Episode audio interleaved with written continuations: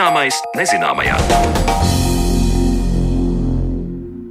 Esiet sveicināti raidījumā Zināmais nezināmajā. Ar jums kopā, kā jau ierasts šajā laikā, Sandra Kropa. Ik gadu Rīgas Tehniskā universitāte ar dažādiem pasākumiem svin savu dzimšanas dienu, un šogad jau 158 gadus. Arī šis gads nav bijis izņēmums, un, lai gan visiem zināms, vīrus ir ieviesis savas korekcijas, izcilākie zinātnieki godināti tiek arī šogad. Ar Rīgas Tehniskās universitātes gada zinātnieku tiksimies raidījuma otrajā daļā, taču pirms tam stāsts par to, kā mazināt ķīmiskā piesārņojuma ietekmu uz notekūdeņiem. Kopumā var teikt, ka efektivitāte sadzīves notekūdeņu attīrīšanas iekārtām Baltijas valstīs pēdējo gadu laikā ir ievērojami uzlabojusies. Tomēr atsevišķos gadījumos ražošanas uzņēmumu atstātās pēdas notekūdeņos ar ķīmiskiem savienojumiem joprojām rada noslogojumu attīrīšanas iekārtām. Šajā jautājumā iedziļinājās Rīgas Tehniskās universitātes zinātnieki, izstrādājot vadlīnijas, lai veicinātu ražošanas uzņēmumu un ūdens saimniecību sadarbību. Kādu kaitējumu notekūdeņiem veido to ražošanu un ko vadlīnijas paredzētu risināt, noskaidro devās Mariona Baltkalne.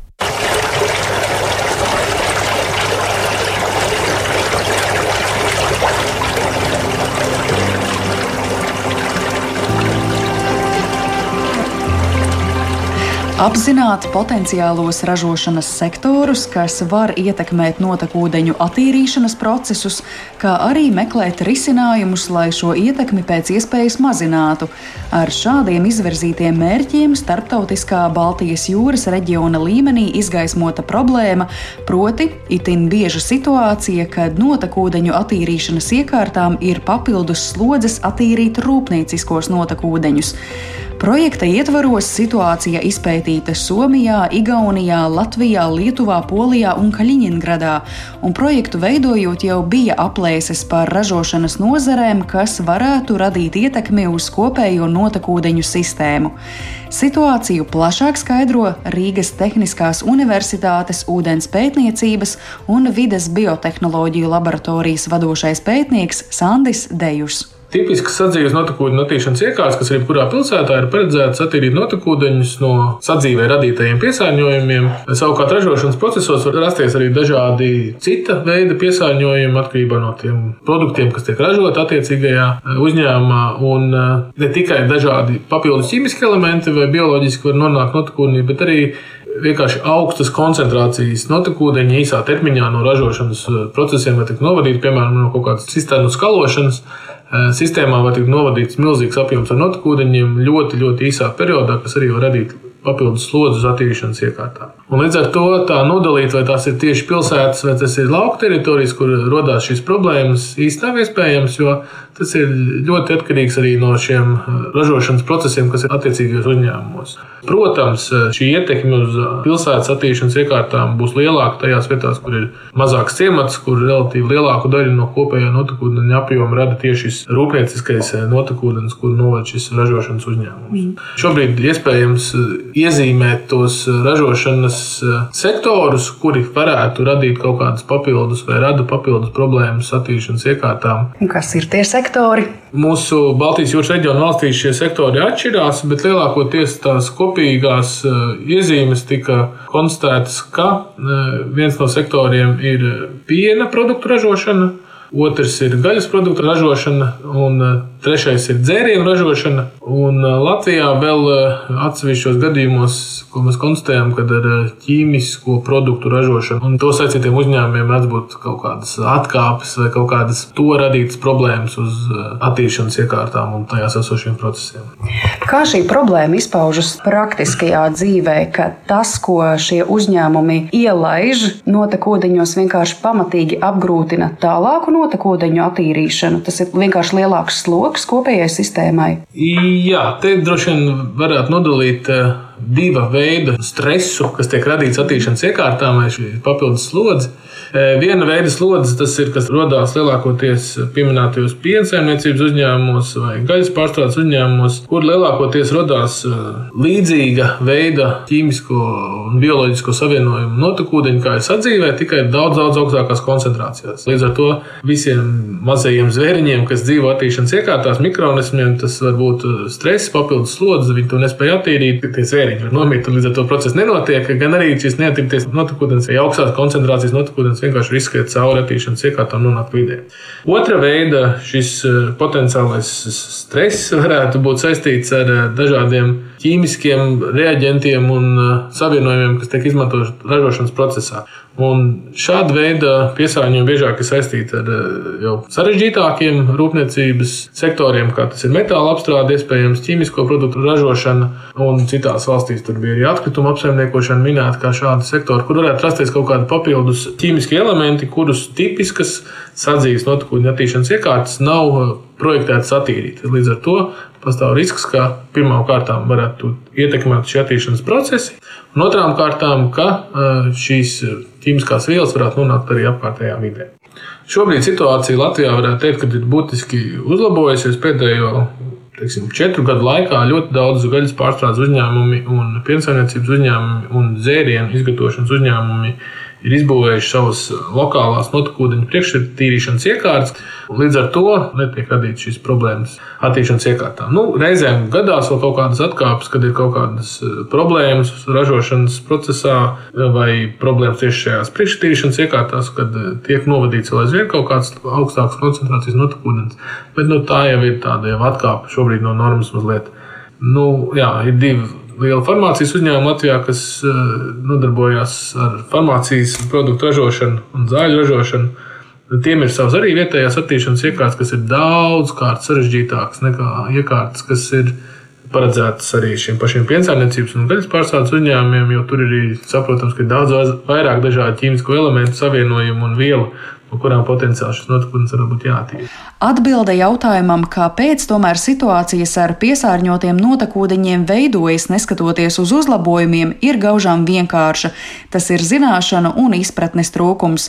Ražotāji mēdz neapzināties savu iespējamo ietekmi uz attīrīšanas procesiem un vidi.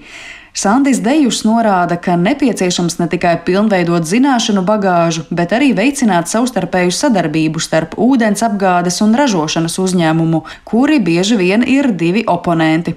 Tā visa rezultātā, kā praktisks risinājums, tapušas vadlīnijas. Tas, ko mēs šobrīd Latvijā centīsimies, ir kaut kādā mērā, droši vien pa kaut kādiem punktiņiem, eh, sekot vadlīnijām un censties šo dialogu veicināt starp šīm visām iesaistītajām pusēm.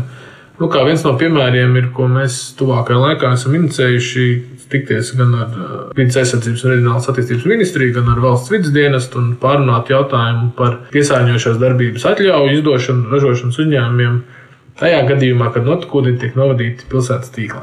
Jo viena no problēmām, ar ko saskarās ūdensarniecības uzņēmumi, un ne tikai Latvijā, bet arī visā reģionā, ir tas, ka viņi ir atbildīgi par to, ko viņi novada apkārtējā vidē, bet bieži vien viņi nezina to, ko ražošanas uzņēmums viņam varētu novadīt viņu tīklā. Mm. Jo viņi ir spiesti būtībā paļauties uz to informāciju, ko viņam sniedz šis uzņēmums. Un uh, brīdī, kad uh, uzņēmums ir gatavs novadīt tīklā savus notekūdeņus, tiek parakstīts līgums par kaut kādiem konkrētiem parametriem, ko drīkst nolaist un kādiem uh, tarifiem tas tiek darīts. Savukārt, ja uzņēmuma rīcībā ir kaut kādi papildus ķīmiski elementi, ko ražošanas procesos viņi izmanto un par kuriem viņi nav deklarējuši, ka viņi to dara un ka viņi varētu novadīt tīklā, tad gadījumā, ja viņi to izdara un pēc tam vidē nonāk piesārņojums, tad atbildīgais vienīgais ir tikai ūdensapgādes uzņēmums. Nevis šis ražotājs, kas konkrēti to ir izdarījis. Un tāpēc mēs vēlētos eh, aicināt lietot šādu diskusiju, kad arī valsts vidas dienas iesaistās procesā, kad tiek veidot šīs attiecības ar ūdensapgādes uzņēmumu, ražošanas uzņēmumu, lai būtu vēl viens spēlētājs, kurš varētu pateikt, kādas ķīmiskās vielas varētu nonākt notekūdenī, lai būtu skaidri noteikumi ūdensapgādes uzņēmumam, kas tur varētu nākt iekšā. Un, lai būtu vēl viens partneris šim ūdensapgādes uzņēmumam, kurš palīdzētu varbūt mazliet piespiest šo ražošanas uzņēmumu, kontrolēt savus notekūdeņus un neizlaist papildus vielas un uzlikt kaut kādu atbildības slogu ne tikai uz ūdensemniecību, bet arī uz šo ražošanas uzņēmumu, par ko viņš faktiski šobrīd īsti neatbild. Vēl vadlīnijās ir tādas triviālas lietas, kā vienkārši zināšanu pilnveidošana vai uzlabošana, kas Piemēram, varētu būt regulāra ūdenssaimniecības uzņēmuma un ražošanas uzņēmuma tikšanās. Kaut vai reizi gadā, kad lielie ražošanas uzņēmumi atnāk pie e, ūdensapgādes uzņēmuma, kurā tiek novadīti šie notekūdeņi, pastāst par savām izmaiņām ražošanas līnijās, pastāst par to, kas viņiem varētu mainīties notekūdeņos. Savukārt, ūdensapgādes uzņēmums varētu pastāstīt, vai viņiem ir bijušas kādas problēmas ar tiem notikuņiem. Vienkārši veidot šo ikdienišķo komunikāciju, lai vairotu gan savu zināšanas, gan kopēju izpratni par šo visu notikumu apsaimniekošanu. Ceram, sadarbībā ar atbildīgām institūcijām un Latvijas ūdens saimniecībām dažas no šīm idejām ieviest arī dzīvēm.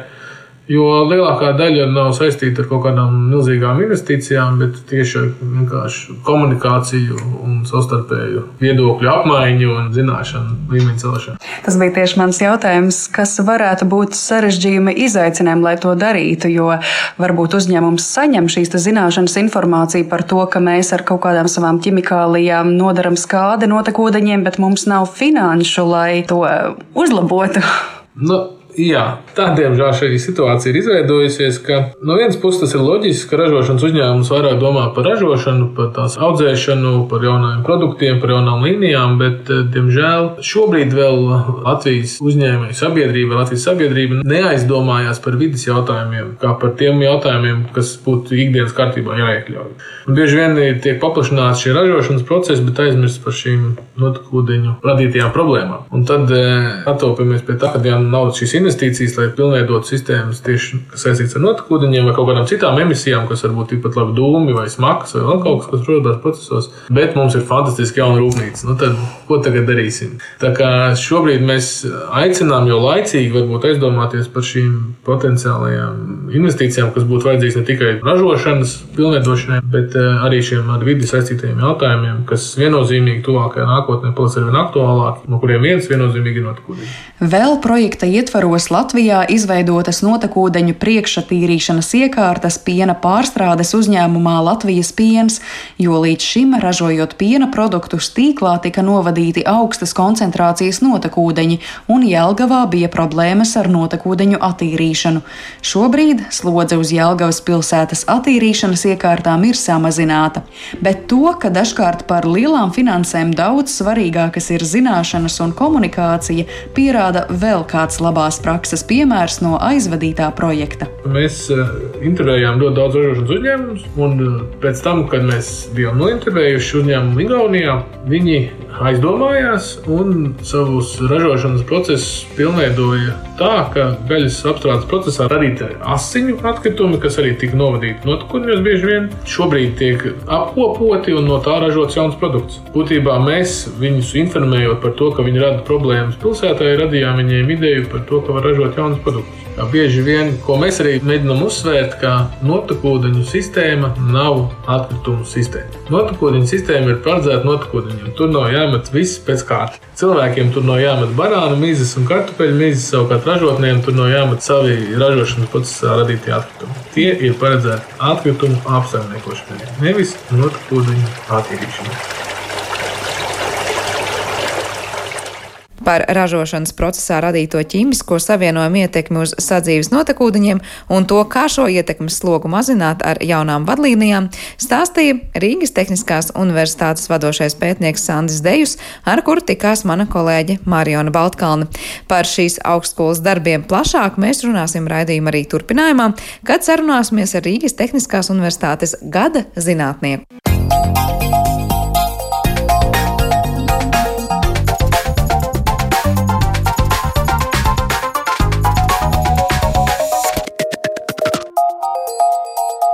Zināmais nezināmajā.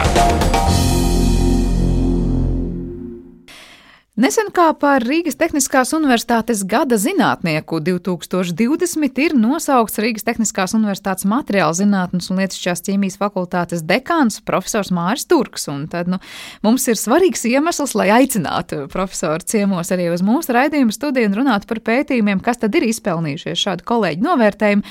Labdien! Labdien! Un vispirms apsveicam ar jauniegūto, ja tā var teikt, titulu apbalvojumu. Tātad eh, gada zinātnieks ar tevi. Prieks censties. Šajā gadā. Vispirms jautājums, vai tas ir kāds apbalvojums, ko piešķir par konkrētu pētījumu vai kaut kādu konkrētu lietu, kas tur izdarīta pēdējā laikā, vai, vai, kā, vai tas ir tāds, nu, vairāku gadu vai pat vairāku, nu, jā, lielāku laika posmu pētījumu un vispār akadēmiskā personāla tāda aktivitāšu novērtējums? Tas ir par pētījumiem, bet tas tiešām ir tādā īsākā periodā. Parasti tas ir par tekošo un vēl vienu gadu iepriekš. Tad tas, kas ir izdarīts 19. gadā, pilnu gadu un līdz 20. gadam, līdz šodienai. Kas tad ir tas, ko jūs tajā laika posmā esat tieši savā pētniecībā darījis? Mēs esam darījuši visu, bet, ja var turpināt, lai saprastu to arī to, teiksim, RTU iekšējo birokrātiju, ja, tas ir īstenībā zinātnes padomas balsojums.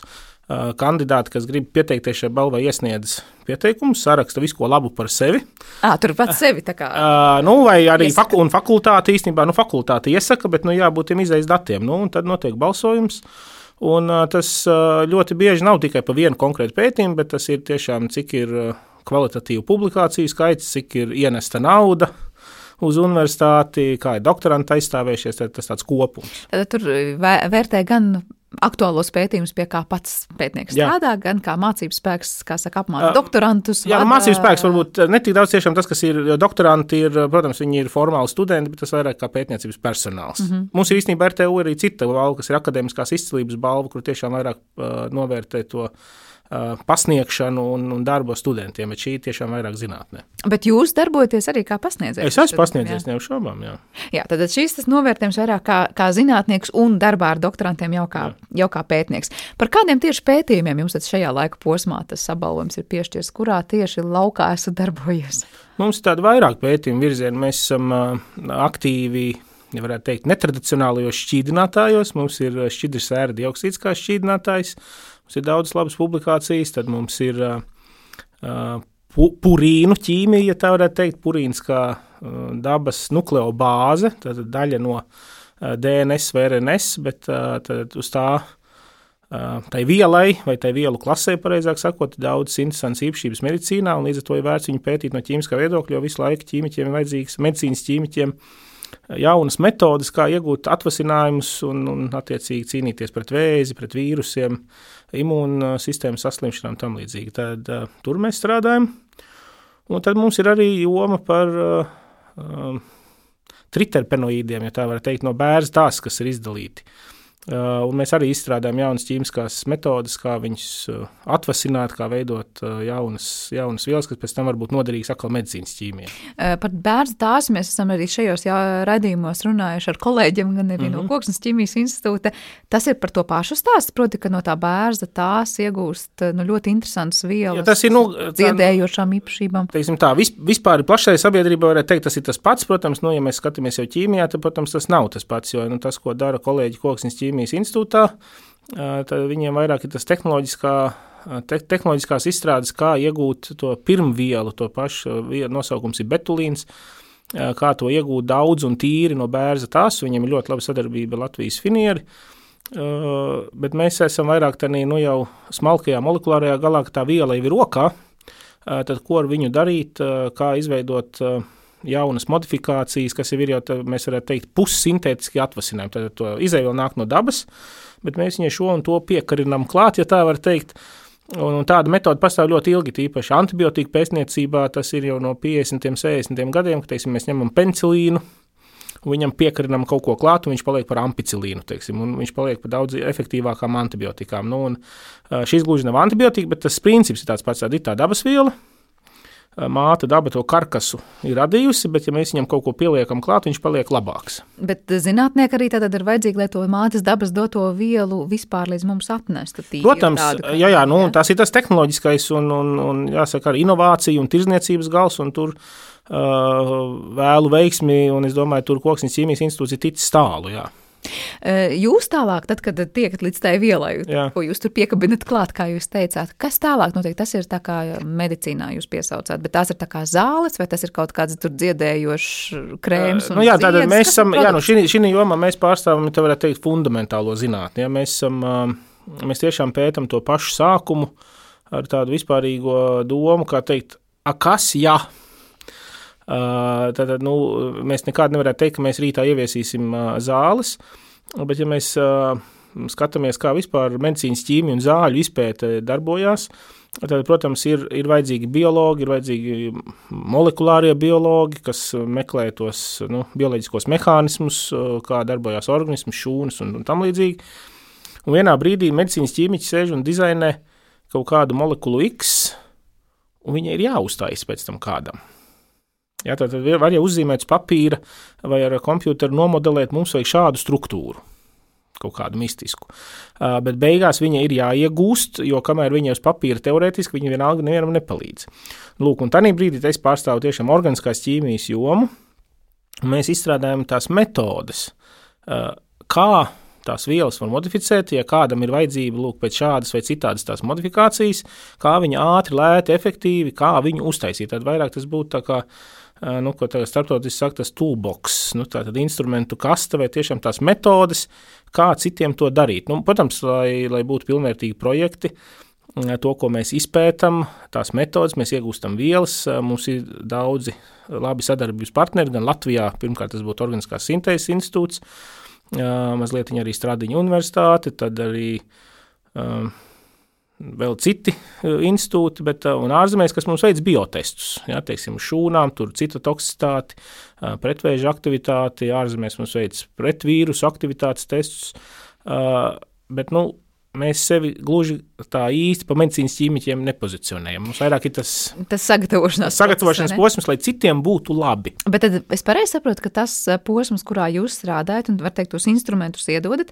pēc tam var lietot gan tie, kas meklēs pretvēžu zāles, gan jā, tie, kas tur jā, pret tieši, eh, tieši tā, diabēta vai kaut ko citu. Visu pēc kārtas, jā. Tas ir eh, tiešām mēs nodarbojamies ar jaunu sintēzes metožu izstrādi, un tās var būt, ja mēs runājam, teiksim, par to pašu purīnu ķīmiju, vai mums ir vēl citas jomas, ja mēs smalki gribam teikt, teiksim, silīcija, organiskā ķīmija. Tās ir tiešām nu, ļoti plaši lietojams visur pasaulē. Kas grib, tur var būt gan medicīnas ķīmijā, īstenībā varbūt materiāla zinātnē, varbūt uh, analītiskajā ķīmijā, ka kaut kas ir jāanalizē. Uh, tur silīcijam ir īpaši labas lietas, ir teiksim, gāzes chromatogrāfiskajā analīzē, var pielietot. Tad lieto, ņemiet un lietojiet. Bet, nu, plaši pielietojams pasaulē, arī daudzi pie tā jau strādā, līdz ar to jūs iekļaujaties nu, tādā plašā grupā. Jā, tie, jā, tieši tā, nu, mūsu joma neapšaubām ir uh, nu, fundamentālā zinātne pēc būtības, ir starptautiska bez bez robežām. Tik cik katrs spēja izdomāt un, un pārliecināt grantu aģentūras, iedot naudu. Nu, tas tiesa par, par, par to, ka zinātnē robežu nav. Tas ir skaidrs Jā. jautājums, vai tajā brīdī, kad pie konkrētām šiem instrumentu kastēm, kā jūs teicāt, Jā. strādā vēl daudzas un dikti mm -hmm. pētnieku grupas Jā. pasaulē, vai jūs esat nu, tādu, tādu, nu, to dažu vidū, kas pie tā strādā, un tās izredzes, ka tieši jūsu darba augļus gaida, tur visa pasaule ir liela. Nē, nu labi, varbūt mums nav tik liela ambīcija, ka mēs teiktu, ka nu, tagad uz mums gaida vispār pasaule. Uh, nu, bet, uh, jā, jā, bet, uh, bet es teiktu tā, nu, bez kautrības, ka nu, savās aprindās mēs pietiekami labi kotējamies. Nu, teiksim, uh, Austrum un Centrāla Eiropas uh, reģionā, nu, sākot no Horvātijas līdz Igaunijai, teiksim, tādā, svīt, tā, tādā līnijā, nu, protams, mums ir kontakti arī šur un tur, citur, Spānijā, un Vācijā un Francijā un, un, un arī uz otru pusi. Kas ir tās iestrādes, kas mums ļauj tur būt? Kaut kādas. Uh, tie ir gan. Uh, nu, visvairāk beigās jau tie ir personīgie kontakti, nu, kas ir gan no studiju laikiem, gan arī nu, konferencēs satiek. Un, un, un dažkārt ir arī jābūt mazliet bezskaunīgam, ja tā labvēlīgi varētu teikt, vienkārši arī, ka konferencē iet klāt un, un saka, labdien, es gribu iepazīties uh, Un man te ir forša ideja, un mēs, mēs gribētu sadarboties. Vai jūs esat mieru? Uh, nu, un, ir, un ir kādreiz, ka pat atsaucās. es gribēju prasīt, kāda vispār ir tā attieksme vairumā gadījumu? Nu, tad, kad kāds pētnieks nāk klāt un saka, es te esmu no iespējams kādam mazas Latvijas, neko neizsakošas un uh, gribu sadarboties, man ir ideja to uztvert tā uzreiz nopietni, vai sev ir ļoti jāpierāda?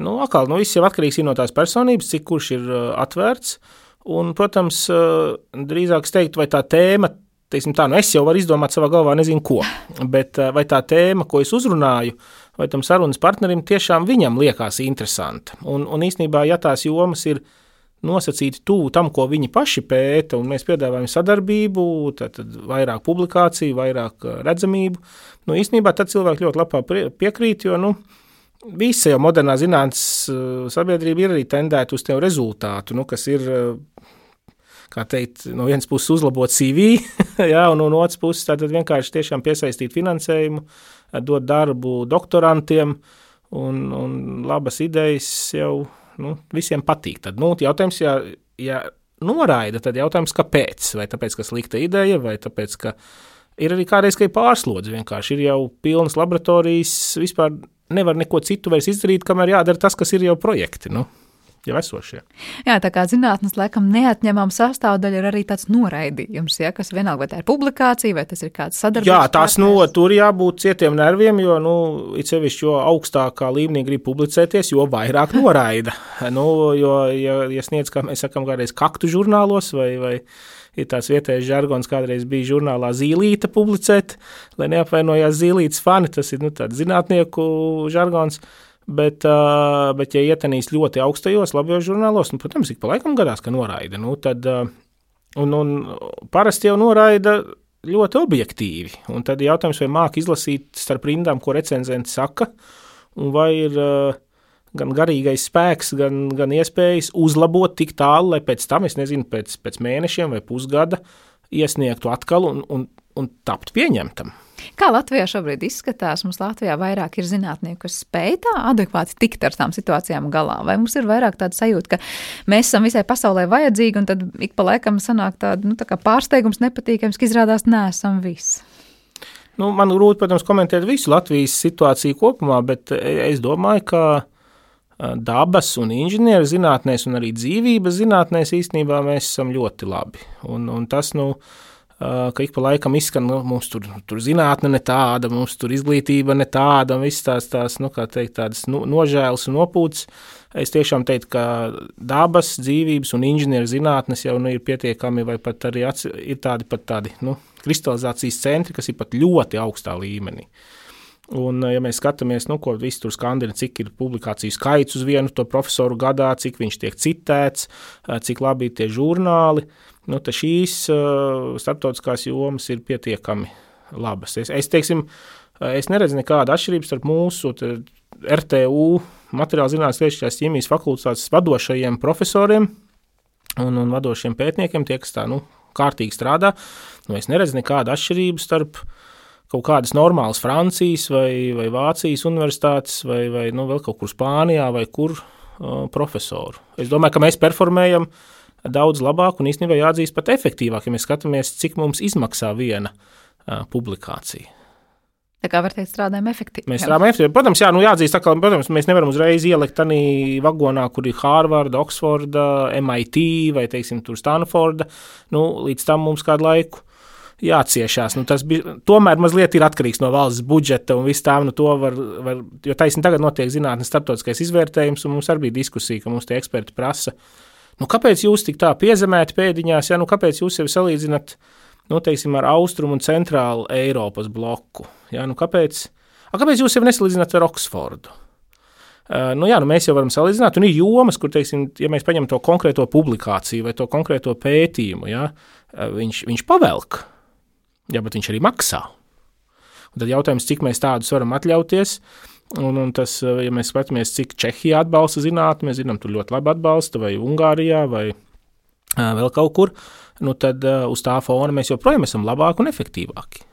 Var teikt, ka nu, sevi salīdzinām savā finansu grupā. Savā finansu grupā, jā, tieši tā. Uh, jūs pats bijāt arī Stanfordā, es saprotu, doktorantūra. Postdoks, es biju jau uz gadu pēc doktorantūras stāžēšanās, jā. Uh, arī, saprotu, Šveicē arī jūs tur kādu labu laiku uh, Šveicē es biju nepilnus piecus gadus, es doktorantūru pabeidzu Šveicē. Uh, Tas bija jau pirms kaut kāda laba laika, lai mēs teiktu, nu, varbūt tā situācija Latvijas zinātnē ir mainījusies. Šobrīd, skatoties uz to laiku, ko pavadījāt tur, var teikt, ka tā bija tāda nu, diena pret nakti, kas ir Latvijā, vai ne tik traki? Nu, Kā atkal, tiek organizēta viss? Jā, jā, nu atkal, jā, es domāju, tur ļoti atkarīgs bija uh, ar uh, nu, katras pētniecības grupas tradīcijas un, un, un te jāsaka, nu, gods kam gods, uh, tā zinātniskā grupa, kuras izaugu, nu, bakalauru un maģistra darba laikā, tādā zinātnes pieejā, tādā veidā, kā nu, organizēt visu un, un arī domāt un, un darīt. Un tās arī zināšanas, kas man tika dotas toreiz, uh, Es, es nekādi nejūtos apdalīts, ierodoties Šveicē, doktorantūrā. Es, es visu mācīju, visu pratu. Jā, tas, kas bija, bija viena otra tehniskā lieta. Nu, mums fiziski tas bija, es aizbraucu 2000. gada beigās. Nu, mums tehniski šis un tas nebija pieejams.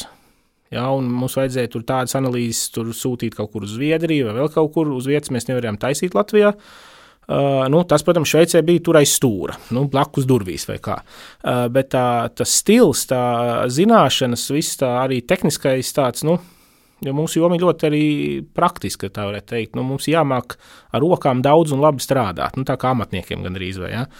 Uh, un, un, un tās visas iemaņas bija, un pat viņas zināmā mērā bija labākas nekā tiem nu, rietumu doktorantiem, jo tur īstenībā, ja tā varētu teikt, mazos bērnus, kamēr viņi ir bakalauri vai maģistri, nemaz tik daudz laboratorijā nelaiž.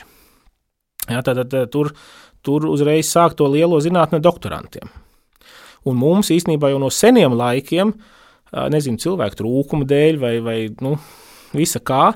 Īstenībā mēs jau, mēs kādreiz smējamies, mēs spēlējam doktorantos jau ar bakalaura studentiem. Ja? Mēs viņam liekam daudz pētīt, un, un viņi īstenībā ar to nu, izaug.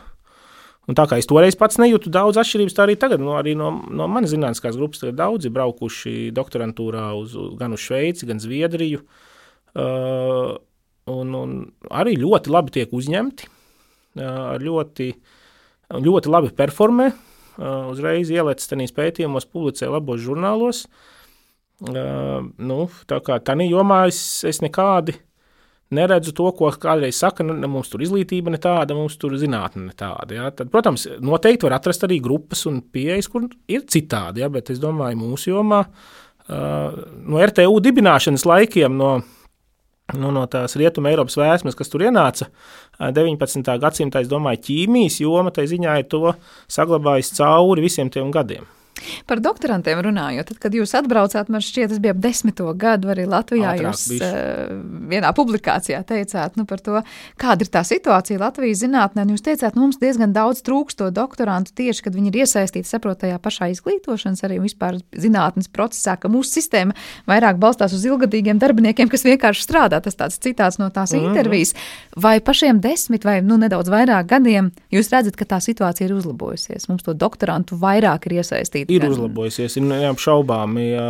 Atkal, protams, katrā nu, pētniecības iestādē ir tikai savas tradīcijas vai kā, bet nu, vidēji ņemot, es teiktu, ka ir krietni uzlabojies un tiešām ir vairāk tas pārnests uz jauniešu pleciem. Bet nekādi nenoliedzot, ka patstāvīgie pētnieki ar pieredzi arī ir vajadzīgi, ir jau arī daudz tehniskas lietas, kas ir jāizdara. Uh, kuri tiešām jābūt nepārtrauktībai, teiksim, aparātu uzturēšana uh, vai kaut kādas tur, nezinu, izēvielu sintēzes, ko vajag ātri, daudz un lēti un vienmēr, lai būtu un uzticami, ja.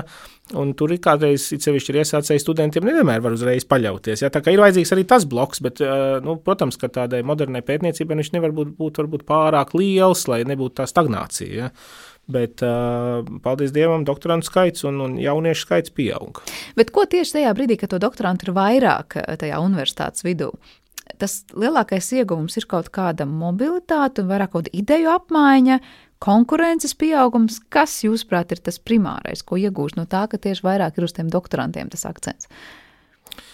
Nu, droši vien, ka Es pat, nu, jā, tas tāds ļoti plašs un filozofisks jautājums, varbūt ne, ne, ne, ne pārāk es pat pārdomājis par to, bet eh, tā spontāni pirmais, kas nāk prātā, tas ir um, jaunības maksimālisms un rutīnas trūkums. uh, tas, kas nes uz priekšu, es teiktu. Jo, nu, protams, ka tas uh, zinātnieks, kurš ir uh, patstāvīgā štata vietā, un viņš strādājis jau tur 25 un vairāk gadus, uh, nu, Un atkal vienmēr būs atkarīgs no cilvēka. Es negribu nekad vispārināt, ka vienmēr tā ir, ir ļoti, ļoti forši, aktīvi zinātnieki arī diezgan viedā vecumā, ja tā varētu teikt. Ja.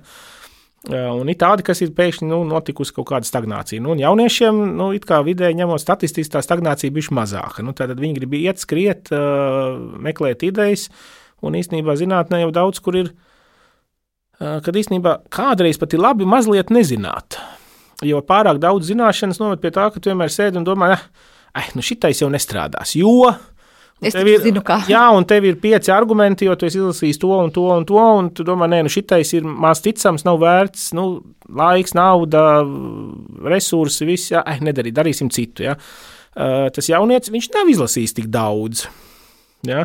Un, protams, es nerunāju par pamatlietām. Ir, ir jāzina, mūsu jomā ir daudz, dabas zinātnēs ir nu, lērums ar faktiem, kas ir jāzina kā akmenī. Ja? Tur citādi nonāk pie muļķībām, bet tādām, nu, ka tas domas lidojums ir. Ja?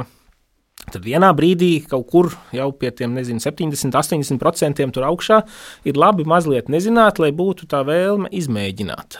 Nu, lai tu sevi nenokauj, un tad jauniešiem atkal tas ir bijis vairāk, jo tiem veciem ir pieredze un, un kā teikt, rūkta vilšanās kaut kur ik pa laikam, jā, un, un viņi negrib izmēģināt. Un jaunieci izmēģina, viņam sanāk. Un tad, tad ir tāds, teiksim, tu kā profesors saka, tev nekad nestrādās tas. Nu, bet, ja tu gribi, tu vari mēģināt. Nu, viņš tev, jaunieci atnāk pie tevis pēc nedēļas, saka, jā, jūs teicāt, ka nestrādās, bet tu redz, ka Ko tajā brīdī profesors ar pieredzi var teikt? Viņš tā kā iedrošina, saka, o, oh, super. Protams, priekšu, nē, nu, ja ir normāls, tādā... ja ir normāls profesors, tad saka, jā, super, paldies, ka tu to izdarīja. Un es, visur pasaulē tā funkcionē. Un tad ir tā nu, psiholoģiskā sadarība, vai tie cilvēki savā starpā lūk spēj mm, sadarboties. Nu, uh, jo, protams, ir brīži, kad teiksim, projekts spiež vai kaut kādus rezultātus, kaut kādus nebūtu pozitīvus, vienalga vai viņi ir dziļi zinātniski vai nē, vienkārši vajag. Jā, nu, Tajā brīdī, protams, kādreiz ir paraugi dusmas, no ko viņš tur mēģina visādas muļķības, būtu izdarījis tur A, B, C, jo tas dod rezultātu. Varbūt ne ideālu, bet taustāmu. Ja? Un viņš tur eksperimentē, tur nezinu, kaut ko blue sky research, ja? nu, pilnīgi. Uh, bet nu, at, es nenoliedzu, ka tā kādreiz ir.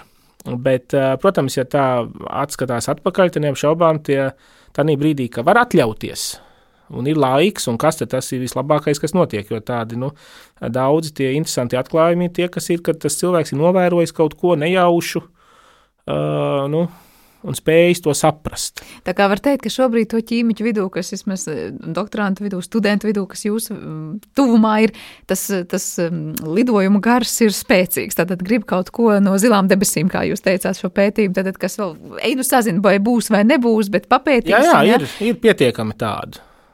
E, tas, pie kā jūs šobrīd, saprotu, strādājat, arī tas ir saistībā ar zāļu sintēzēšanu, arī Covid saistībā. Tad jums ir kaut kādi īpašie mēģinājumi, vai tas ir tas, ko jūs sākumā teicāt, tās tās instrumentu kases, lai radītu arī zāles kaut vai nu pret šo vīrusu? Mēs esam kā sadarbības partneris valsts pētījuma programmā, bet tur jāsaka, ka valsts pētījuma programmu vada biomedicīnas pētījuma studiju uh, centra vadošais pētnieks Kaspars Stārs, kas ir arī Latvijas universitātes profesors. Tur lielu daļu ieiet arī Organiskās sintēzes institūts. Mazliet arī Cietvielu fizikas institūts. Mēs esam tur, kā teikt, mazais partneris, vēl LU biologi arī.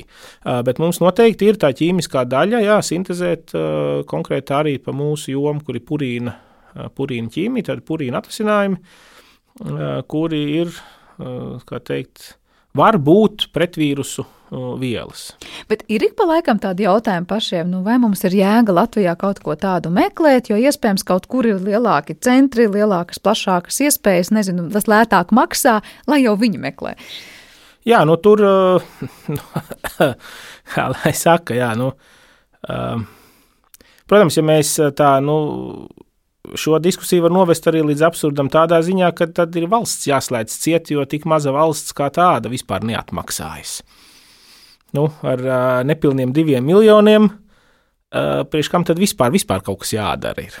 Jā, tātad, nu, uh, un ja mēs uh, to atmetam, Uh, tad uh, intelektuālais potenciāls Latvijā ir pietiekams, un atkal tieši biomedicīnas, un, un uh, dabas zinātņu un, un ķīmijas jomā ir tiešām ļoti labs un augsts, un es domāju, ka ir vērts pētīt. Jo, un atkal, nu, pasties, cik firmas tagad strādā pie vakcīnām. Labi, šis konkrētais arī šeit ir īstenībā tas, ko vada Kaspars Stārs, tur arī vakcīna pētniecība ir. Uh, bet uh, cik firmas strādā pie vakcīnām, cik firmas strādā, ja mēs runājam par covid, ja, vai jebkuru citu slimību, ja, ne jau visi būs uzreiz rītā veiksmīgi. Bet, ja mēs gaidīsim uz to vienu, kuram ir vislielākie un labākie resursi, viņam arī var nesanākt. Nu, uh, ir vajadzīgs tas nu, pietiekami liela kritiskā masa, uh, un, un, un Latvija tai ziņā, es domāju, ir, ir pietiekami varoša, lai arī piedalītos pie tās kritiskās masas veidošanas pasaulē. Noslēdzot šo sarunu, jūs teicāt, ka ir labi, ka nāk tie pētnieki, kuriem, kā saka, vēl viss ir iespējams un ir daudz trakas idejas, ko pētīt un kā pētīt. Kas jūs pašu ķīmijā ir uzrunājis visvairāk, un vai ir kaut kas tāds, kas joprojām urda un dzen uz priekšu ar tādu deksmi acīs, kāpēc tā ķīmija ir tā, kas pašam vistīkamākā no citām zinātņu nozarēm, un, un tajā joprojām grib strādāt? Nu, tas droši vien ir tas, tas jaunradas prieks, ka tu vari uztaisīt teikt, tādas vielas un tādas pārvērtības, kuras līdz šim pasaulē vispār nekad nav bijušas. Tāds, nu, kā nu, tāpat kā, kā es domāju, paralēlis tāpat kā, kā māksliniekam, vai viņš glezno, vai viņš komponē mūziku, tad viņš rada kaut ko, uh, kas līdz šim nav eksistējis. Un, uh, un, un zinātniekam, ir sevišķi fundamentālās zinātnīs jomā, es domāju, tas pats. Tad uztaisīt kaut ko foršu un interesantu, tāds, kas iepriekš nav bijis. Nu, tad, protams, tad ir grantu aģentūras un valdība un viss, kas, kas bišķi to ieliek zināmās sliedēs, un droši vien labi, ka tā lai, lai tā interese būtu arī, nu, ka pēc tam no tās ir kaut kāda jēga. Bet, ja mēs to atmetam, tad īstenībā jā, tas ir. Nu, jo, ja mēs paskatāmies arī atpakaļ, tur nezinu, 18. gadsimts, 19. gadsimts, kad modernā zinātnē attīstījās, nu, tur arī tur maz bija, tad, kad nezinu, Lavozie kaut ko pētīja vai kas, nu, tur nebija, ka to rītā pārdos. Uh, un, un tā, tā komponente neapšaubām ir jāsaglabā, jo, ja, ja ir tikai tā pielietojamā, nu, tad tā ir, tas, tas ir tas brīdis, kad zinātne pāriet inženierijā. Nu, mēs uztaisām, pielietojam, mēs, no, jā, mēs domājam tikai to veidu, kā uztaisīt jaunu, bet to būtību mēs nedomājam jaunu. Tā kā esam tajā pašā platformā, ne, nepalicamies stāv augstāk. Jā, tos kluķus, teiksim, mums ir trīs kluči, mēs viņus saliekam citā, citā kārtībā. Ja? Uh, nu, tāpēc ir jāmāk saglabāt tas nu, līdzsvars starp to, to radīšanas prieku un, un pielietojamību. Nu, ko lai izdodas turpmākajos pētījumos, liels paldies jums par šo sarunu. Mēs dzirdējām Rīgas Tehniskās Universitātes gada zinātnieku, arī mm, lietišķās ķīmijas un um, Materiāla zinātnes, līdzšķās ķīmijas fakultātes. Jā, jā. Tad dzirdējām Rīgas Tehniskās Universitātes gada zinātnieku, materiāla zinātnes un lietišķās ķīmijas fakultātes dekānu profesoru Mārtu Turku. Šodien pirms raidījuma zinām, mēs nezināmajā studijā. Ar to arī raidījums ir izskanējis, par to parūpējās producents Armīta Kolāte, mūzikas redaktors šajā stundā bija Girs Bišs, Reinis Budas, Kaņu režijā un Sandra Kropa studijā. Mēs tiekamies jau pavisam drīz visu labu!